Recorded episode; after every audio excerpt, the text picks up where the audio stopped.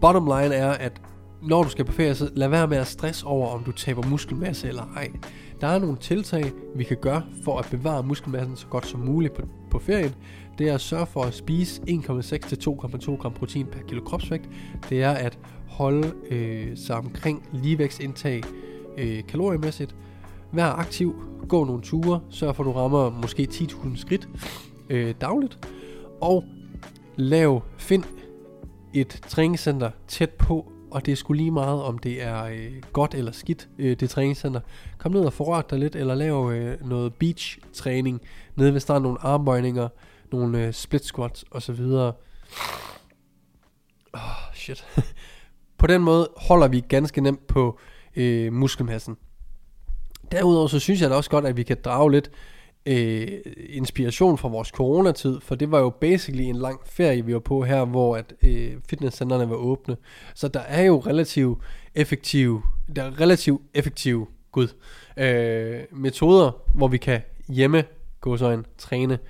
Øh, og der skal altså Jeff Nippert lavede en super god video under corona, hvor at han samlede nogle studier og snakkede om, at der skulle en 9.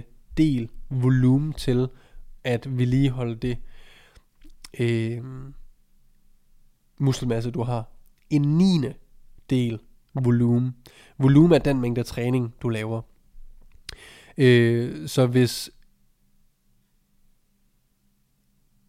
det er fuldstændig vanvittigt, hvor lidt det egentlig er, hvis man tænker over det, og det gjorde jeg lige. så det er derfor, jeg siger, at en træning på en uge er nok til at vedligeholde din muskelmasse. Igen, så vil din cell swelling øh, ikke være til stede lige så hyppigt, som når du er herhjemme og træner de her 3-6 gange om ugen, eller afhængig af hvad du, hvilket split du følger. Men du vil øh, vedligeholde den muskelmasse, du har, og have et bedre udgangspunkt til, når du kommer hjem igen. Øh, men ja, bottom line, lad være med at stress over, at øh, du skal på ferie, om det er 1, 2, 3 eller 4 uger. Lad være med at stresse over det. Sørg for, at du får nok protein. Sørg for, at du øh, holder dig aktiv. Sørg for, at du spiser ved ligevægtsindtag. Og så lav lige en Google Maps søgning, om der ikke er et træningscenter. Og hvis det træningscenter ligger langt væk, jamen, så kører du bare lige derop en dag, hvis det betyder nok for dig. Og til sidst, lad være med at dårlig øh, samvittighed, hvis du ikke ønsker at træne på din ferie. Det er også helt okay at holde en uges fri fra træningen. Øh, jeg har øh, lige fået lavet øh, min anden hårtransplantation, hvor at jeg øh, vidste, at jeg ikke måtte træne i de første 14 dage efter min operation. Det jeg gjorde var, og her var det jo ikke et spørgsmål om, at jeg lige kunne presse en træning ind her, jeg må ikke træne i 14 dage. Det jeg gjorde var, at jeg trænede rigtig hårdt op til, og jeg kunne virkelig mærke, og jeg måske også pressede den øh, lidt ekstra, to be honest, op til. Men jeg kunne virkelig mærke på min krop, at jeg havde brug for en deload.